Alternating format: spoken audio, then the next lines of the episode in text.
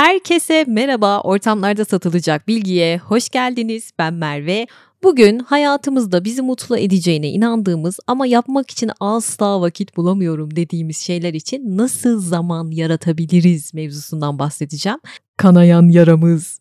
Akşamları böyle yatağımıza yorgun argın giriyoruz ve bazen kendi kendinize siz de şunu derken buluyor musunuz?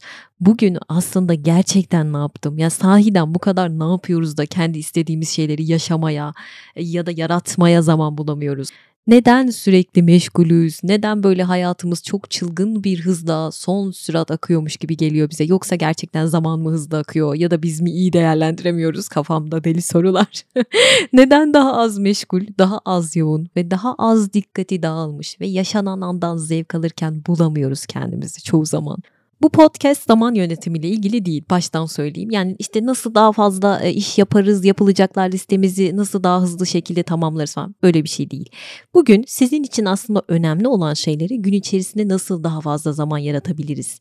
Buna yönelik bir podcast bu. Ailenize zaman ayıramıyor olabilirsiniz. Bunun ızdırabını çekiyor olabilirsiniz. Yeni bir dil öğrenmek, ne bileyim bir roman yazmak, bir enstrüman çalmak vesaire vesaire. Artık orasını siz bileceksiniz. Neye zaman yaratamıyorsak artık Peki neden bu kadar yoğunuz? Neden bu kadar meşgulüz? Neden bir kaosun içerisinde hissediyoruz kendimizi ve dikkatimiz sürekli dağınık? Çünkü bunun iki sebebi var. Birincisi meşgul çoğunluk dediğimiz ve herkesin diğer insanlara bakıp sırf onlar yapıyor diye sorgusuz sualsiz üstüne atladığı şeyler. Meşguliyet kültürümüz, dolup taşan e-posta kutularımız, sonsuz sonsuz yapılacaklar iş listelerimiz, her dakikasını verimli kılmaya çalıştığımız aslında bir o kadar da verimsiz anlar kendime söylüyorum. Böyle azıcık yavaşlasak, geride kalma hissi yaratan o meşguliyetlerimizi bir düşünelim istiyorum. Sadece bu değil tabii ki zamanımızı almak için yarışan ikinci bir güç var. O da sonsuzluk havuzları dediğimiz şey. Nedir bu sonsuzluk havuzları? Böyle sürekli aşağı kaydırdığımız o ekranlarımız var ya asla bitip tükenmek bilmeyen o sosyal medya içerikleri. Sayfayı sürekli yeniliyoruz, aşağı kaydırıyoruz. Her uygulamada bir sonsuzluk havuzu var dikkat ettiyseniz. Her daim elimizin altında olan ve her zaman yeni olan bir eğlence şekli. Sürekli sürekli meşgulüz bu yüzden. Sürekli meşguliyetten kaynaklı bir tükenmişlik içerisindeyiz ve aslında bir ödül gibi değil mi bu? Yani meşgulüz, tükenmişiz. Bu da bize bir ödül sonsuzluk havuzunda yüzmek. Peki soruyorum size sürekli meşguliyet gerçekten zorunlu mu? Sonsuz bir şekilde oyalanma ve bu şekilde dikkatimizi dağıtmak gerçekten bir ödül olabilir mi sizce? Yoksa hepimiz otomatik pilotta sıkışıp kaldık mı? İşte bu iki güç meşguliyet e, dediğim ve sonsuzluk havuzları dediğimiz iki güç bizim varsayılan hallerimize dönüştükleri için artık çok güçlüler. Otomatik pilot diyoruz ya.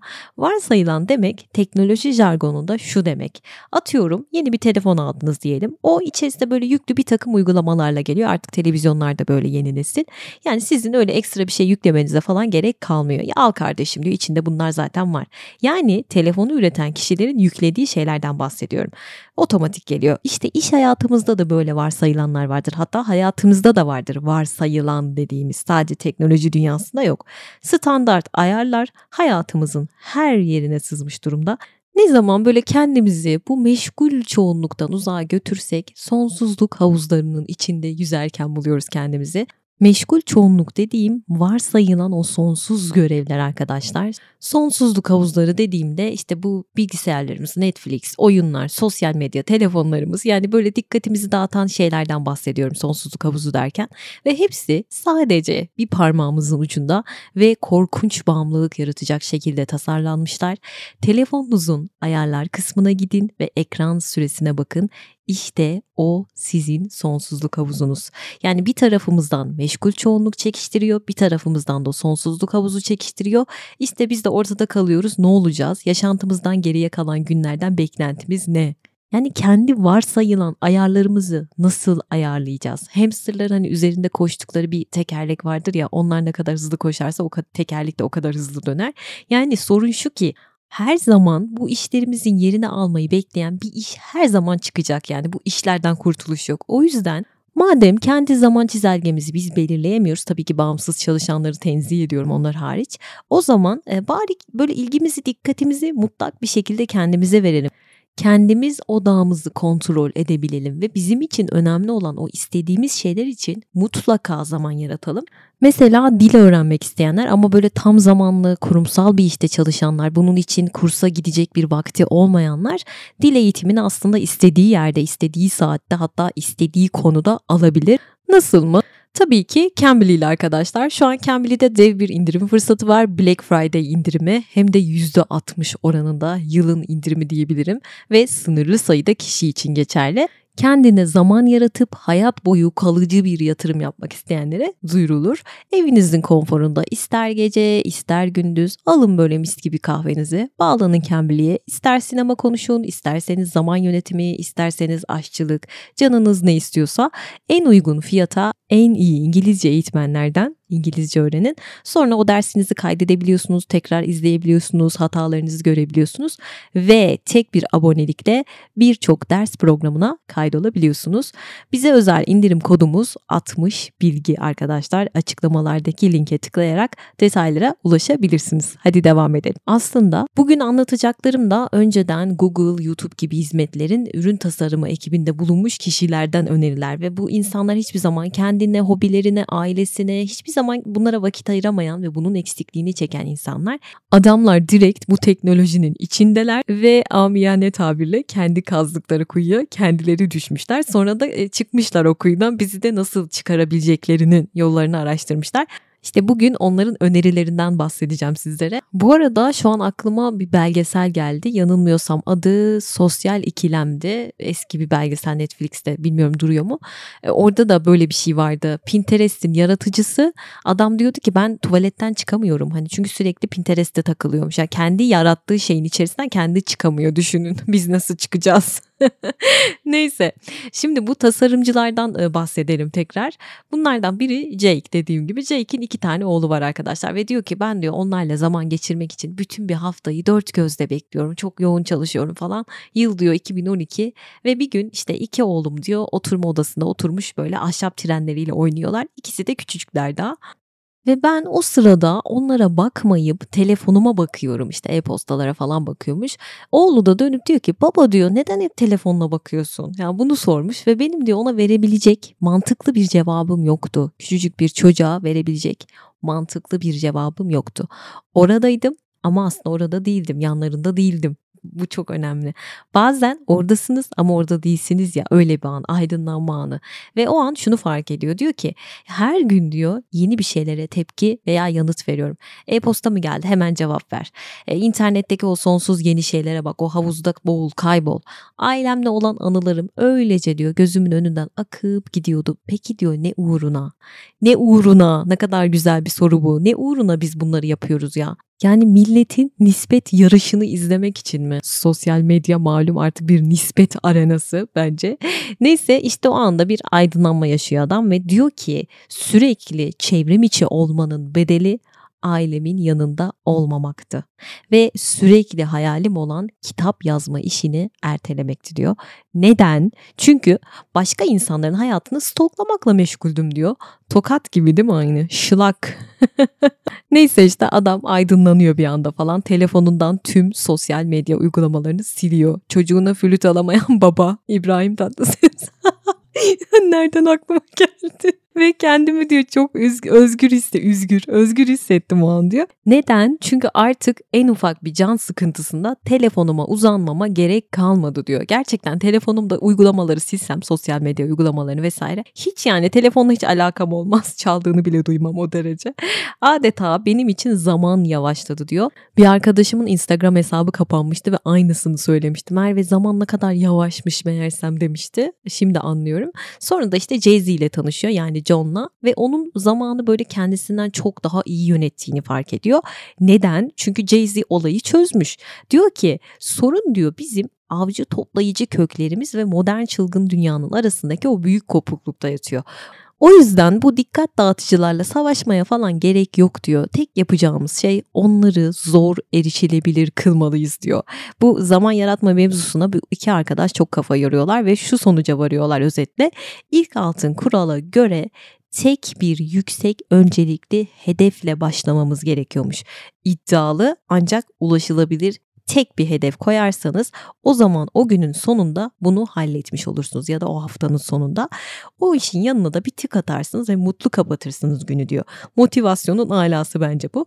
İkinci kural da cihazlarımızı kısıtlamak. İşte e-postaymış, sosyal medyaymış, bilgisayarmış, telefonmuş. Yok abicim bunlar. Bunları diyor kısıtlayacaksınız, kaldıracaksınız tüm dikkatinizi yapacağınız işe vereceksiniz diyor. Sadece o anda kalarak o işi halledeceksiniz. Üçüncü kuralda güzel besleneceksiniz diyorlar. Yok enerji kazanayım bilmem ne yapayım diye öyle şekerli paketli gıdalar yemeyeceksiniz diyor. Yani enerjinizi onlar evet tavana vurdurur ama sonra öyle bir hale gelirsiniz ki pert akşama pertiniz çıkar. O yüzden sağlıklı besleneceksiniz ve enerji seviyenizi koruyacaksınız diyor. Sonra işte bunlar blog yazmaya başlıyorlar bu bulduklarıyla alakalı şeyler işte nasıl zaman yaratırız vesaire diye ve inanılmaz rağbet görüyor. Benim de hoşuma gidiyor çünkü genelde dünyaca ünlü iş insanlarının böyle işte zamanı nasıl yönettiğini, kendine nasıl zaman ayırdığını falan izliyoruz, okuyoruz, araştırıyoruz ama bence bu adamlarınki daha samimi çünkü dediğim gibi sosyal medyayı bizzat tasarlayan ekibin içerisinde oldukları için hani zehri veren panzehiri de verir hesabı. Bir de şey demiyorlar böyle teknoloji düşmanı olun lanet olası pislikler falan demiyorlar. Yani daha gerçekçi bir yerden bakıyorlar olaya. Instagram'ı kapatın gidin işte ıssız bir sahil kasabasına yerleşin öyle bir şey yok.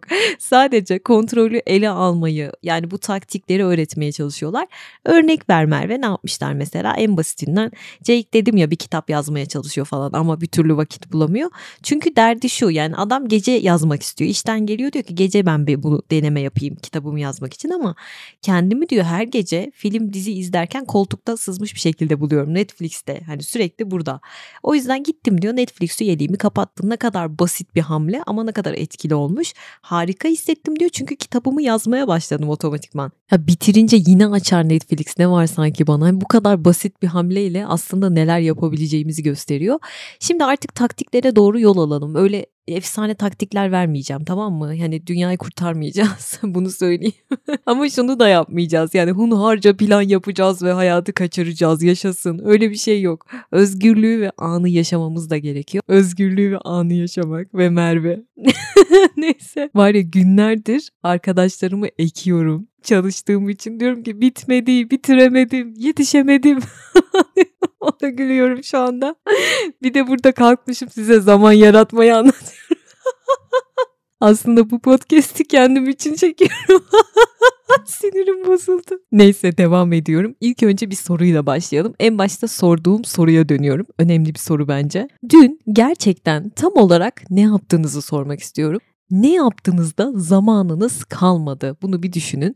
Önce başlamadan önce şunu söyleyeceğim. Zaman yaratmak dört adımlı bir süreç diyor bu arkadaşlar. Birinci adımımız odak noktası, ikinci adımımız lazer modu, üçüncü adımımız da düşüncelerimizi yansıtmamız, dördüncüsü ise enerji sağlamak. Şimdi bunları açığa açığa gideceğim. Birinci olarak odak noktası. Şimdi soruyorum size. Siz tam olarak ne için zaman yaratmak istiyorsunuz? Önce buna bir cevap vermemiz gerekiyormuş. Ne için zaman istiyorsun abi? Her gün için en önemli hedefini belirlemen gerekiyor. Bu sizin gün boyu yapacağınız en önemli önceliğiniz olmalı. İşte atıyorum ben bugün şu yarım kalan işimi halledeceğim, tamamen bitireceğim gibi. Bitirip kurtulacağım gibi. Her güne bir odak noktası seçmemiz gerekiyor ve bunu takvimimize yazmamız gerekiyor. Bu bizim tabii ki gün boyu yapacağımız tek aktivite değil. Yani illa bunu yapacağız. Kesinlikle bunu yapmalıyız. Başka hiçbir şey yapamayız. Öyle bir şey yok. Ama bunu hallettikten sonra diğer işlerimizi de yapabiliriz. İkinci adımımız lazer modu. Bu da odaklanmak istediğiniz şey her neyse ne için zaman yaratmaya çalışıyorsak önce dikkat dağınıklığımızı gidermek. Yani kısacası dikkatinizi dağıtan şeyleri bulmanız gerekiyor. Bir düşünün. Muhtemelen telefonunuz, e-postalarınız, sosyal medyanız falan diyeceksiniz. Bunlara az sonra değineceğim zaten. Üçüncü olarak da enerji sağlamak dedim. Bu da zihnimizi şarj edebilmek için vücudumuzu kullanmamız. Yani yapacağımız iş her neyse bunun için önce böyle mental olarak bir hazır olmamız gerekiyor ya. Sağlam bir kahvaltı, güzel bir duş, modumuzu yakalıyoruz efendim kısmı. Bu enerji kısmı böyle bizim bataryamızı nasıl dolduracağımızı gösteriyor aslında. Egzersiz, uyku, beslenme vesaire buralara geleceğiz. Yani kısa vadede yapmak istediğiniz şeyler için nasıl enerji sağlayabilirsiniz? Bunlara da geleceğiz. Dördüncü kısımda da düşüncenizi yansıtmak dedim. Bu da kısaca şu oluyor. Akşam olduğu zaman hani böyle bir yüzleşme anı yaşıyoruz ya. Abi ben bugün ne yaptım? Gerçekten ne yaptım? Zamanımı nasıl yönettim de hiçbir şey vaktim kalmadı. Bunu ben kendime söylüyorum. Hangi taktiği, hangi tekniği uygulamak bana keyif verdi, güzel geldi. Ben buradan devam edeyim ya da işte e, telefonumda ne kadar zaman harcadım bir bakayım. Yüzleşme seansı bu kısım. Telefonunuzun ayarlar kısmına bakın, ekran sürenize bakın. Dediğim gibi kahrolacağınız sonuçlarla karşılaşacaksınız.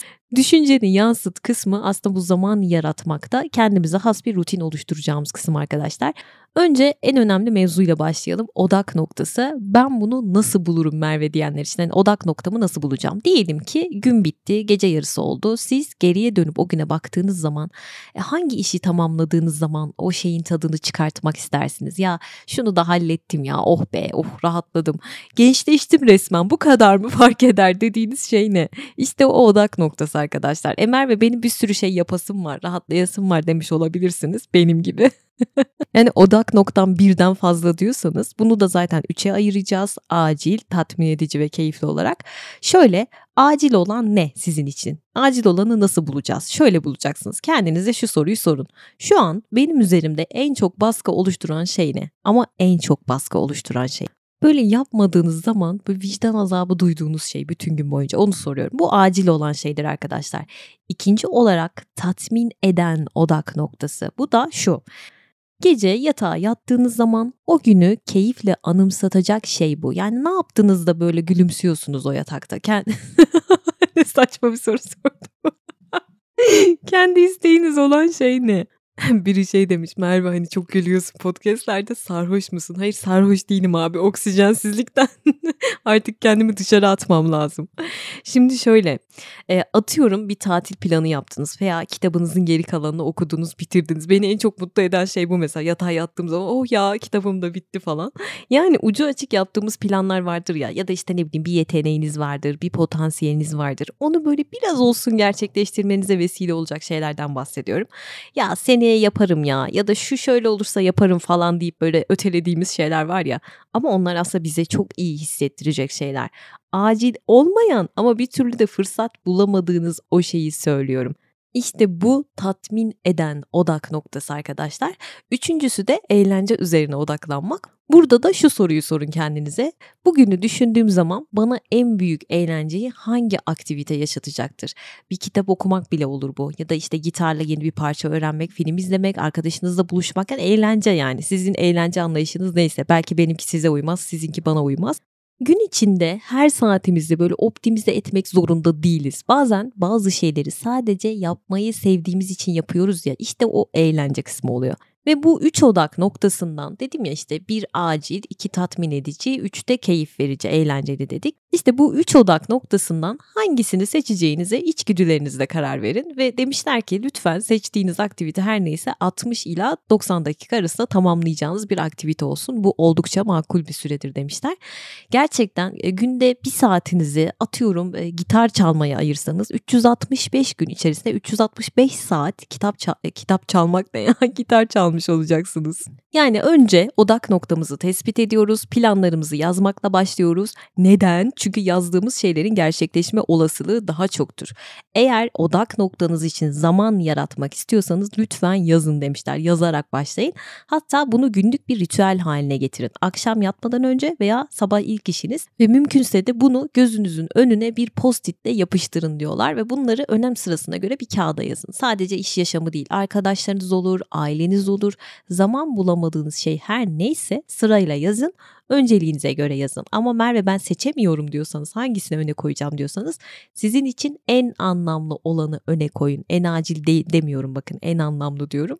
Ve bir numaraya yazdığınız şey aslında şu demek. Her gün bulduğunuz her fırsatta odağınızın merkezi olması gereken şey. Hani 60 ila 90 dakika dedim ya. Bir ay sonra önem sırasını değiştirin. 2'yi 1'e alın, 3'ü 5'e alın değiştirebilirsiniz. Ama her gün bunu bir rutin halinde yapmanız gerektiğini söylüyorlar. Atıyorum her gün çocuğumla bir saat kaliteli zaman geçireceğim. Ya da işte her gün bir saat dil öğrenimimi ayıracağım. Ya da her gün bir saat spor yapacağım gibi gibi gibi. Şunun farkındayım. Yapılacaklar listesi böyle mutlaka yapmalıyız, tatsız da olsa, arzulamasak da yapmalıyız gibi bir kapıya çıkıyor. Ama bunu diyor lütfen yapın. Yani bu listeyi yapın çünkü yapmanız gereken şeyleri gün içerisinde görmeniz gerekiyor. Gözünüzün önünde olsun. Ama işte yapılacaklar listesi değil de biz diyor yapabilirimler listesi yapıyoruz. Bu daha güzel değil mi? Kulağa daha güzel göre. Yapabilirim. Ben bunu bugün bugün içerisinde yapabilirim. Tik atabilirim buna. Plan yapmadığımız günlerde ve zamanlarda ne yapabilirsiniz? Bu listeden yapabilirimler listesinden seçip bir şeyler yapabilirsiniz. Bir başka madde de şu. Kişisel bir sprint yani döngü yapın arkadaşlar. Mesela bir haftalık sprint yapın ya da aylık. Bu şu demek tek tek her gününüzü adım adım planlıyorsunuz, yazıyorsunuz. Ve burada önemli nokta şu ara vermiyorsunuz. Her gün ama her gün aynı rutinle yapmanız gerekiyor bunu. Mesela dedim ya kendileri Google'da çalışıyorlarmış önceden diye. Tasarım sprinti diye bir şey yaratıyorlar burada. Bu da şu bir ekip için temel olarak böyle sıfırdan yaratılmış bir çalışma haftası düzenliyorlar. 5 gün çalışma 5 iş günü 5 gün boyunca belirli bir çizelgeyi takip ediyorlar ekip olarak sadece ve sadece tek bir noktaya odaklanıyorlar. Baltayı bir yere vuruyorlar. Ve bu şekilde bir sene içerisinde 150'den fazla sprint yapıyorlar, tamamlıyorlar yani. Nasıl yapıyorlar? Şöyle her sprint gününde tek bir büyük odak noktası belirliyorlar. Pazartesi günü ekip olarak buluşuyorlar, bir harita oluşturuyorlar. Odak noktalarını belirliyorlar. Salı günü her bir kişi bir çözüm taslağı hazırlıyor. Çarşamba günü hangi çözümün en iyisi olduğunu düşünüyorlar, kararlaştırıyorlar. Perşembe günü bir prototip inşa ediyorlar ve cuma günü bu prototipi test ediyorlar. Yani her günün hedefi belli, hedef çok iddialı ve sadece bir tane var. Bakın 5 gün içerisinde bir hedefe odaklanıp çözüp bitiriyorlar. Bunu biz kişisel bir hale getirelim. Onu söylemeye çalışıyorlar. Bir şeyi böyle aylara yayalım, yıllara yayalım. Vay efendim 365 günü bir planlıyorum. Bu değil, olayımız bu değil. Yani haftalık sprintler, döngüler yapın diyorlar. Ben bunu çok sevdim. Bir işi belirliyorsunuz, ardı ardına her gün, her gün, her gün düzenli olarak yapıyorsunuz ve belirlediğiniz sürede bitiriyorsunuz. Harika. Odak noktanızı parçalara böyle, böyle, böyle sonunda tamamlamak bu sprint dediğim şey. Tabii bu zamanı da siz planlıyorsunuz ve odak noktanızı gerçekleştirmek için ne kadar zamana ihtiyacınız var bunu da bir tespit edin etmeniz gerekiyor. Tahmini ne zaman bitirmiş olmasını umuyorsunuz. Çünkü böyle ucu bucağı açık olunca o bitmiyor. Yani yaparım ya işte falan işte 5 hafta sonra öyle bir şey değil. Diyeceksiniz ki şu tarihte ben bunu bitiriyorum arkadaşım. Yani bunu yazacaksınız. Takviminizi de yazacaksınız ve bu zaman dilimini de asla başka bir şey almayacaksınız. Ne bileyim işte arkadaşınız mı görüşelim dedi. Hayır abi görüşemem. Şimdi beni dinleyen arkadaşlarım diyecek ki Merve sen sprint mi yapıyordun bizimle görüşmedin. Yalnız bu bölümde de çok güldüm. Gülüşümü sevmeyenler ağlayarak günlüğünüze yazabilirsiniz. Ne diyordum ya sprint yaparken planınızı bozmuyorsunuz dedim en son. Sevgiliniz bile arasa diyorsunuz ki görüşemem abi seninle yani hani sprint yapıyorum. Sonra diyorsunuz ki ne oldu ya WhatsApp resmin gitti. Mesela Google'ın o üst düzey yöneticilerinden biri adamın tüm günü toplantılarda geçiyormuş. Her da dakika toplantı yapıyorlar işte sürekli çalışma halinde falan ama bir bakıyorlar adamın takvimine saat 6 ile sabah 6 ile 11 arası boş. Diyorlar ki abicim burayı da dolduralım hadi burayı toplantı alalım falan. Adam da diyor ki hayır ben o zaman dilimini kendime ayırdım. Sabah 6 ile 11 arasında hiçbir iş alamazsınız. O zaman diliminde bu adam işte eh, ne istiyorsa hangi aktiviteyi ne yapmak istiyorsa onu yapıyor. Kendine ayırmış o zamanı. Ya ben de işte diyorum ya saat 4'te 5'te kalkıyorum. Saat 8'de 9'a kadar kitap okuyorum. Belgesel izliyorum. Bir şeyler yapmaya çalışıyorum. Kendime zaman ayırmaya çalışıyorum. Old tayfa biliyor zaten bunu. En sevdiğim şey.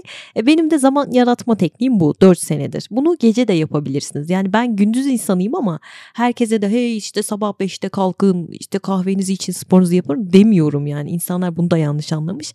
Herkesin bir döngüsü var abi yani. Ben gündüzü seviyorum. Sen belki geceyi seviyorsun. Sen o şekil giyinirsin. Ben bu şekil giyinirim ya. Anlatabiliyor muyum? Mesela bana deseler ki Merve gece oturacaksın ve işte e, bir saat kitap okuyacaksın, bir saatte şunu yapacaksın. Asla yani o masada sızar kalırım öyle söyleyeyim. Asla gece insanı değilim. Hep böyle özenmişimdir. Hayatım boyunca gece oturan insanlara böyle özendim.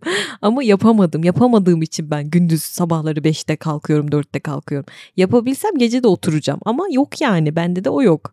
O yüzden e, gece de olur yani. Maksat kendimize zaman yaratmamız. Bu dediğim adam var ya Jay-Z. O da sabah 5.30'da kalkıyor, yürüyüşünü yapıyor, duşunu alıyor, kahvaltısını yapıyor, işte gazetesini okuyor, kahvesini içiyor. O şekilde işe gidiyor ve diyor ki yani yaşadığım tatmini anlatamam size.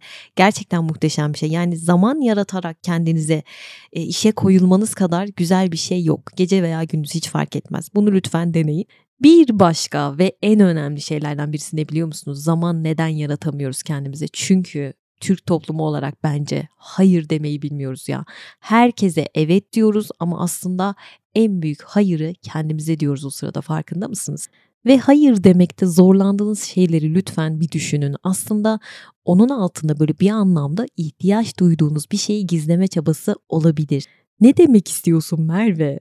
Şimdi neden birine hayır diyemiyoruz? Belki yalnız kalmaktan korkuyor olabiliriz ya da sevilmek gibi bir arzumuz olabilir. Yani karşımdaki insanı kırmak istemiyorum çünkü onun tarafından sevilmek istiyorum. Hayır dersem sevmeyecek beni. Kafanızın içinde bu olabilir. Ya da işte ne bileyim kaygılarınız devreye girmiş olabilir istemsizce belki bilinçaltınızda bir şey olabilir. Akıllı yaşama sanatında Baltasar Gracian diyor ki insanın hayattaki büyük derslerinden biri kendini frenlemeyi bilmesidir. Daha da önemlisi ise şudur kendinizi bazı işlerden ve bazı insanlardan yoksun bırakmayı öğrenmelisiniz. Değerli zamanımızı yiyip bitiren önemsiz uğraşlar vardır. O yüzden sizi ilgilendirmeyen, sizin üstünüzde vazife olmayan işlerle meşgul olmak boş durmaktan daha yanlıştır diyor. Buna böyle psikolojik açıdan bakacak olursak hayır diyememe sebeplerimize madem bu konuya girdik. Eğer çocuklukta eksik ya da koşullu olarak bir sevgi gördüysek biz bu sevgiyi çeşitli yollardan elde etmeye çalışıyoruz. Çünkü ya bunu tatmin etmemiz gerekiyor. Eksiyiz abi orada yani ruhsal bir arayış içerisindeyiz ve bunu ne yapacağız? Başka insanların tarafından onaylanmak isteyeceğiz. E, o yüzden hayır diyemeyeceğiz kimseye. Yani sevgiyi elde etmek için aşırı uçlara gideceğiz. Aşırı fedakarlıklarda bulunacağız. Kendimizden vazgeçeceğiz. Sınırlarımızı kaybedeceğiz. Hayır kelimesini lügatımızdan söküp atacağız.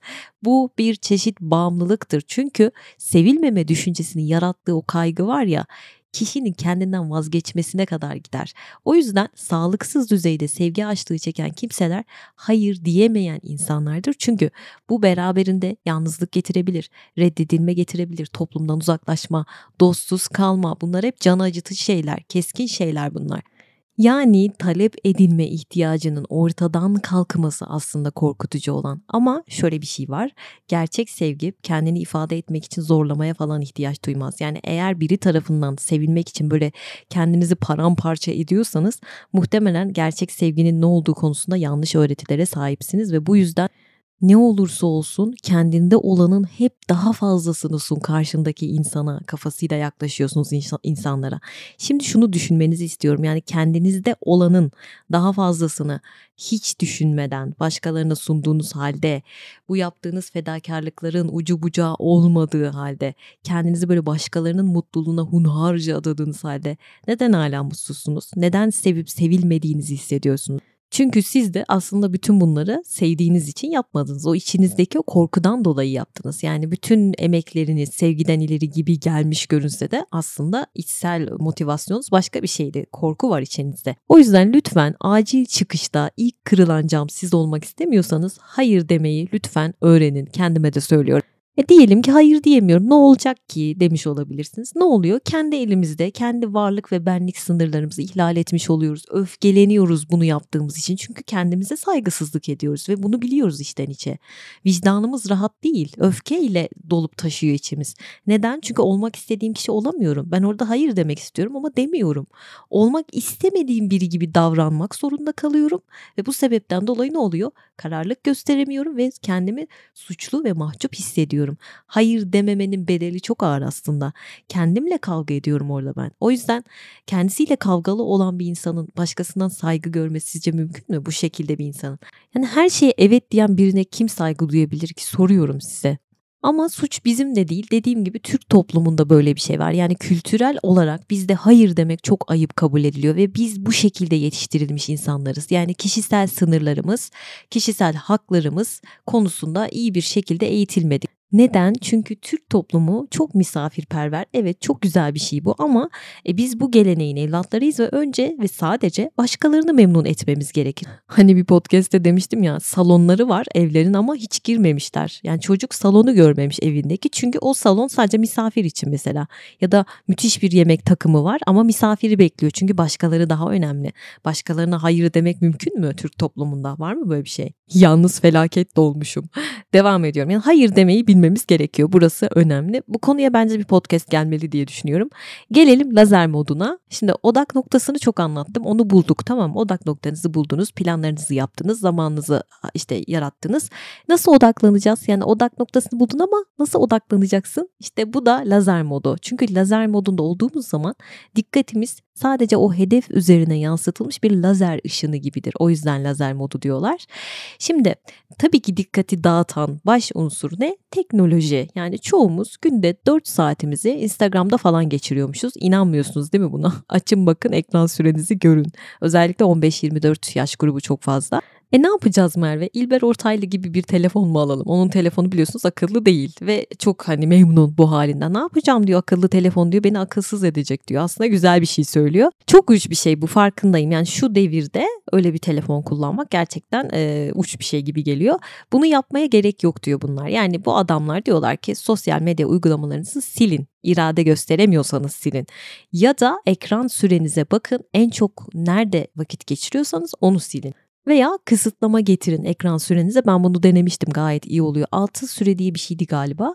Sadece 24 saat deneyin diyorlar. Bir görün ya 24 saat bakalım ne olacak yani. Çünkü artık öyle bir duruma geldik ki telefonu kullanmıyoruz. Telefon bizi kullanıyor gibi bir durumdayız şu anda. Veya bir çözüm de şu uygulamalardan çıkış yapın. Çünkü şifre isteyecek sizden. Ben mesela şifre istediği zaman girmiyorum. Üşeniyorum. Bu da bir taktikmiş. Bir de şu var telefonunuzun bildirimlerini lütfen kapatın diyorlar. Sürekli diring diring diring ötüyor ya bu da dikkat dağıtıyor ve bir anda diyorsun aa Whatsapp'tan arkadaşım yazmış hemen bakayım. Onunla yazışırken yarım saat gidiyor. Sonra diyorsun ki oradan bir şuraya gireyim bakayım.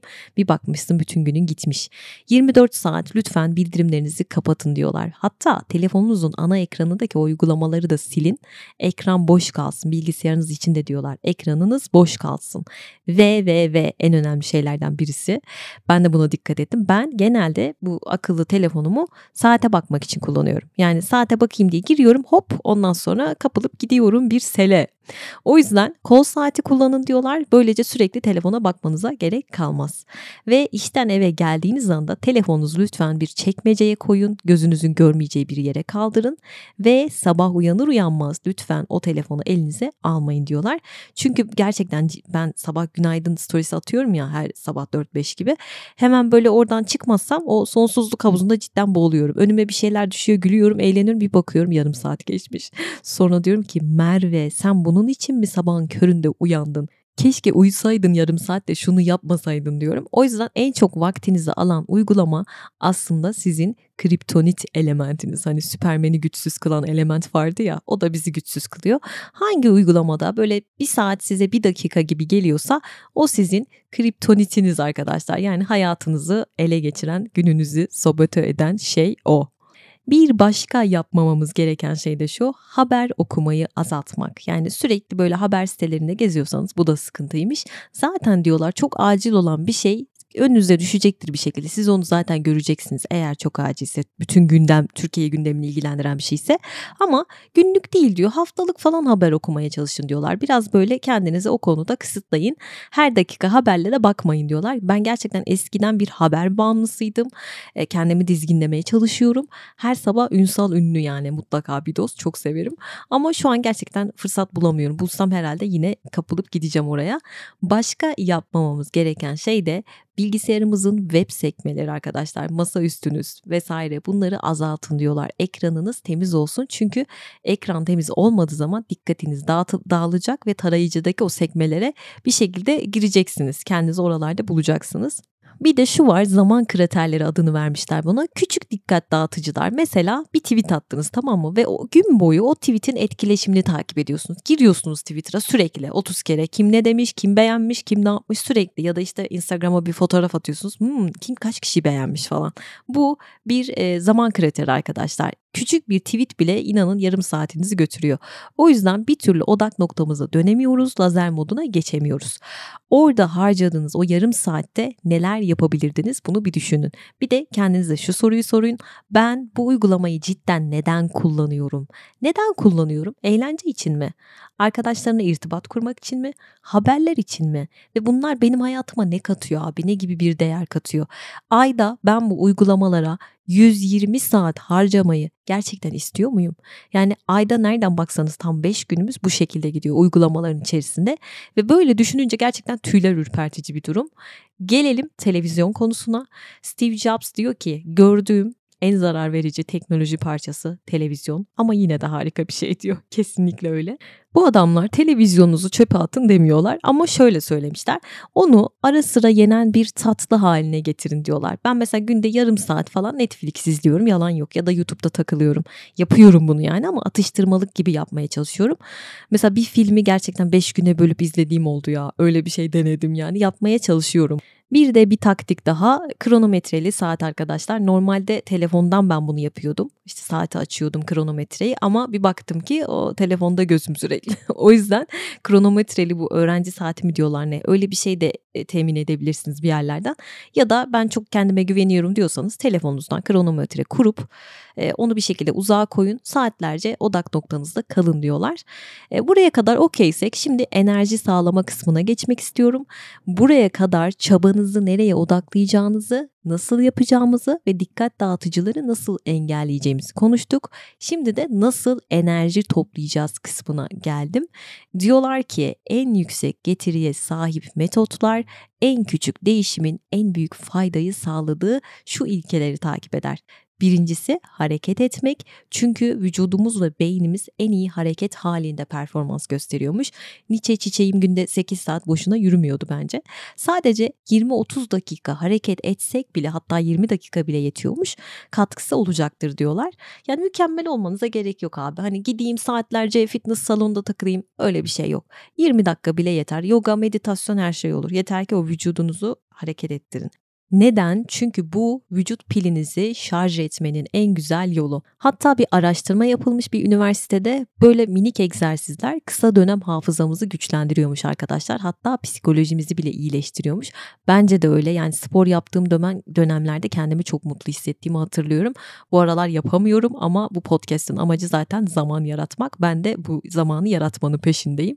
Hiçbir şey yapmasak bile işe giderken ya da işte markete gideceğimiz zaman falan yürüsek bile olur olur. Yürüyüş gerçekten mucizevi bir ilaç. Çünkü endorfin salgılıyor. Vücut direkt mutlulukla karşılık veriyor size. Bir de yürüyüşün en güzel yanı düşünme fırsatı bulmak. Bence Nietzsche de bu yüzden o kadar uzun uzun saatler düşünmek için yürüyordu. Bir de bu enerji elde etme konusunda aralıklı oruç dediğimiz ifi önermişler. Çok şaşırmıştım buna. Yani 16 saatlik açlık benim senelerdir yapmaya çalıştığım şeylerden biri. Şu anda da yapıyorum. Şöyle bunun tabii periyotları var. Direkt if 16 saat olacak diye bir şey yok. Onu araştırırsınız. Ee, akşam 5-6'dan sonra böyle kalorili bir şey yiyip içmiyorum. Ertesi gün saat 12'ye 1'e kadar bu şekilde devam ediyorum. O sırada kahve içiyorum, su içiyorum ama kalorili bir şey no asla yok. Ben bazen 18-19 saat yapıyorum kulağa deli saçması gelebilir. Nasıl o kadar aç kalıyorsun diyor olabilirsiniz. Hiç etkilenmiyorum. Yani deneseniz anlarsanız. Neden böyle bir şey yapıyorum? Çünkü bunu bulan bir Japon bilim insanı bu ifi bulan. 2016'da Nobel ödülü aldı bu çalışmasıyla. Şöyle bir şey bu. Yani açlığınızın tetiklenmesiyle hücreleriniz otofaji yapıyor. Yani kendini sindirerek yeniliyor. Hücreleriniz yenileniyor. O yüzden güzel bir şey. Şimdi buraya kadar anlattıklarımı eminim zaten hepiniz böyle içten içe biliyordunuz. Ben öyle çok da yeni bir şey söylediğimi sanmıyorum. Bu adamlar da öyle. Yani bildiğimiz ama yapamadığımız şeyleri hatırlatma seansı gibi bir şey oldu bu podcast. Aslında biz zamanı harcamıyoruz arkadaşlar. Zaman bizi harcıyor farkındaysanız. Yani onu akıllıca kendi lehimize kullanmadığımız her dakikada bizi harcamaya devam edecek. Ve aslında asıl özgürlük dediğimiz şey yaşamak için kazandığımız zaman. İşte bugün yaşamak için, yaşadığımızı hissetmek için daha doğrusu nasıl zaman kazanırız konusuna ufakça değinmeye çalıştım. Çok yakında da zaten zaman yönetimine bir podcast yapmak istiyorum. Şimdi podcast bittiği zaman lütfen elinize bir kağıt kalem alın ve en çok zamanınızı harcayan o şeyleri yazın tek tek. Ekran sürenize bakmayı unutmayın ve lütfen hayır demeyi de öğrenelim. Başkalarına evet derken kendimize hayır demeyelim. Yoksa bizim meşguliyetlerimiz falan işimiz gücümüz hiç bitmez. Reşat Nuri Güntekin mi diyordu? Hani bizim işimiz gücümüz bitmez. Çünkü biz hayır demeyi bilmeyen insanlarız diyordu. O yüzden hep meşgul oluruz eğer bunları yapmazsak. Kapanışımı NASA'nın başına gelen bir şey anlatarak yapacağım. NASA'nın 1997 yılı yazında Mars'a yolladığı bir araç vardı Pathfinder diye. Bu uzay aracının başına gelenleri örnek vermek istiyorum bu zaman yaratma konusunda. Şimdi bu araç 97 yılında Mars'ın yüzeyine indi arkadaşlar ve oradan dünyaya böyle iletiler yollamaya başladı. Ama bir anda şak diye iletiler kesildi ve Pathfinder görevini ertelemeye başladı. Bakıyorlar sürekli meşgul kafasına göre takılıyor falan hiç alakası yok bize ileti falan göndermiyor. Sonra bir anlıyorlar ki programlayıcısında tabii ki bir arıza meydana gelmiş.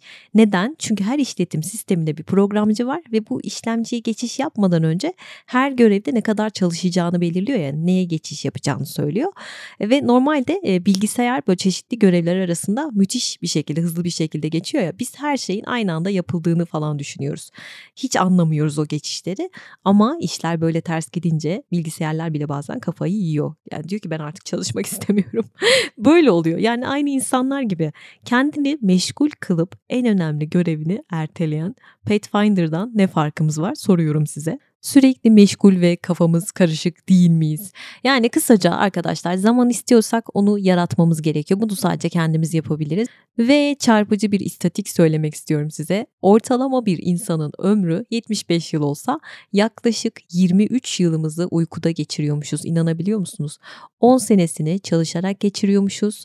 9 senesini televizyon ve sosyal medya ile geçiriyormuşuz. 4 ila 6 yılımızı ev işlerine harcıyormuşuz. 4 ila 7 yılımızı yine işte yeme içme konularına harcıyormuşuz. 2,5 yılımızı alışverişte ve 2-3 yılımızı da kişisel bakımda harcıyormuşuz. 1,5 senede ulaşımla geçse bize kala kala 8-9 yıl falan kalıyormuş. Ona göre yani bu çarpıcı bir tabloydu. Yani zaman aslında hepimize eşit dağıtılan tek adaletli şey belki bu dünyada. Herkesin zamanı aynı 24 saat. Hepimizin 24 saati var. Yeter ki bunu güzel değerlendirelim. Yani hayatın tadını çıkarabilecek zamanlarımız da olsun. Yaratalım o zamanı lütfen. Lütfen kendime de söylüyorum ve bir podcast'ın daha sonuna geldik. Eğer kendinize zaman yaratıp böyle dil öğrenmek gibi bir hedefiniz varsa Cambly'nin bize özel kodu 60 bilgi arkadaşlar. Açıklamalara bıraktığım link linkten detaylara ulaşabilirsiniz. Bu çarşamba size hayran olduğum birini anlatacağım ama kim olduğunu söylemeyeceğim. Sürpriz. O yüzden beni Instagram adresten takip etmek isterseniz adresim aşağıda olacak. Merve biz de buradayız ve seni dinlemek istiyoruz diyenler bana bu adresten ulaşabilir ve beni hangi platform üzerinden şu an dinliyorsanız takip etmeyi unutmayın. Hoşçakalın. Bay bay.